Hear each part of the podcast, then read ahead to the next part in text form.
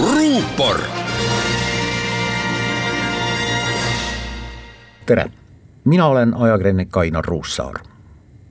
valge raamat on rahvusvaheline termin dokumendist, mis esitab võimalikud arenguteed tulevikuks ja teatud juhised nende saavutamiseks. väheusutav, et valitsuse esitatud valgest raamatust saab bestseller. ilmselt mitte olen selle teatud igavust tundes läbi lugenud ja midagi põrutavalt uut, kuidas võitluses viirusega võitjaks tulla, ma sellest ei leidnud. kõiki selles dokumendis esitatud soovitusi, mis paiguti sarnanevad korraldustele, olen ma viimase aasta jooksul kusagilt kuulnud või siis lugenud. ometigi on sellel valitsuse dokumendil väärtus nüüd on vähemalt muidu infopõllule laiali puistatud tegevuse üldised eesmärgid ja juhised kokku koondatud ja kõikvõimalike kriiside puhul ammu rakendatud valgusfoori kujund taas jõuliselt avalikkuse ette toodud. tõsi, sellel valgusfooril on tavalise kolme asemel neli värvi. roheline, kollane, oranž ja punane. tõsi on ka see, et värvikujund on lihtne ja toimib kas või alateadvuses ühtviisi hästi sihtrühmas vanuses neli kuni üheksakümmend neli.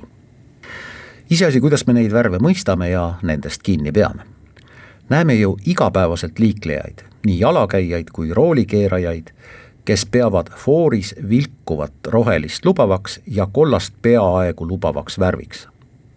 Pole harvad ka sellised juhtumid, kus äsja süttinud keelav punane justkui lubab kellelgi gaasipedaali vajutada või üle vöötraja joosta. kardan, et sama näeme me ka viiruse ristmiku ületamisel kipub olema ju nii, et kui valitsus hoiatab oranži värvi eest, mis tähendab kõrget nakatumisriski ja seab tegevustele päris karmid piirangud, siis tajuvad osad inimesed maailma enda ümber ikka veel valgusfooris vilkuva kollase tulena. mõned koguni rohelisena. või kui valitsuse fooris põleb punane, mis tähendab väga kõrget riski, tajub osa inimesi ikkagi paremal juhul kollast värvi. see ei ole seotud värvi pimedusega. see on seotud väsimuse, närvilisuse, tüdimuse, rusutuse, surutuse ja veel miljoni meie ajus toimuva protsessiga.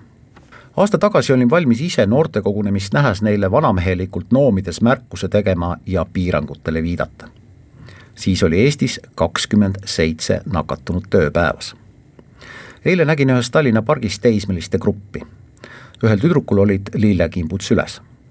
kõik noored jõid ontlikult mahla ja limonaadi ilmselt pidasid nad vabas õhus sünnipäeva. ma ei öelnud neile midagi. mul oli nendest noortest hinge kraapivalt kahju.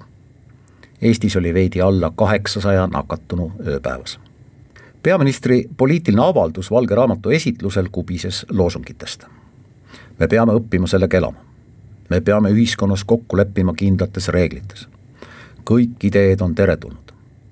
õige ainult et küsimused, kaua me õpime ja kaua me kokku lepime, on vastuseta. sellepärast, et neid vastuseid täna ei ole. tegelikult on meil üks suur eesmärk, jõuda viirusest vabanemiseks millegi sarnaseni, nagu oli tuhande üheksasaja kaheksakümne seitsmendal aastal alanud laulev revolutsioon. ühine eesmärk, kokkulepped ja uued ideed viisid meid pimedast viiruslikust riigist vabadusse. siis saime hakkama ja siis saime hakata õppima kõige üldisemalt on Valgel Raamatul üks eesmärk. et me ei satuks ohustatud liike loetlevasse punasesse raamatusse. teine eesmärk on näidata viirusele oma võitluslikku lippu. see lipp ei tohi ega saa kujutada valget kotkast valgel taustal. ruupor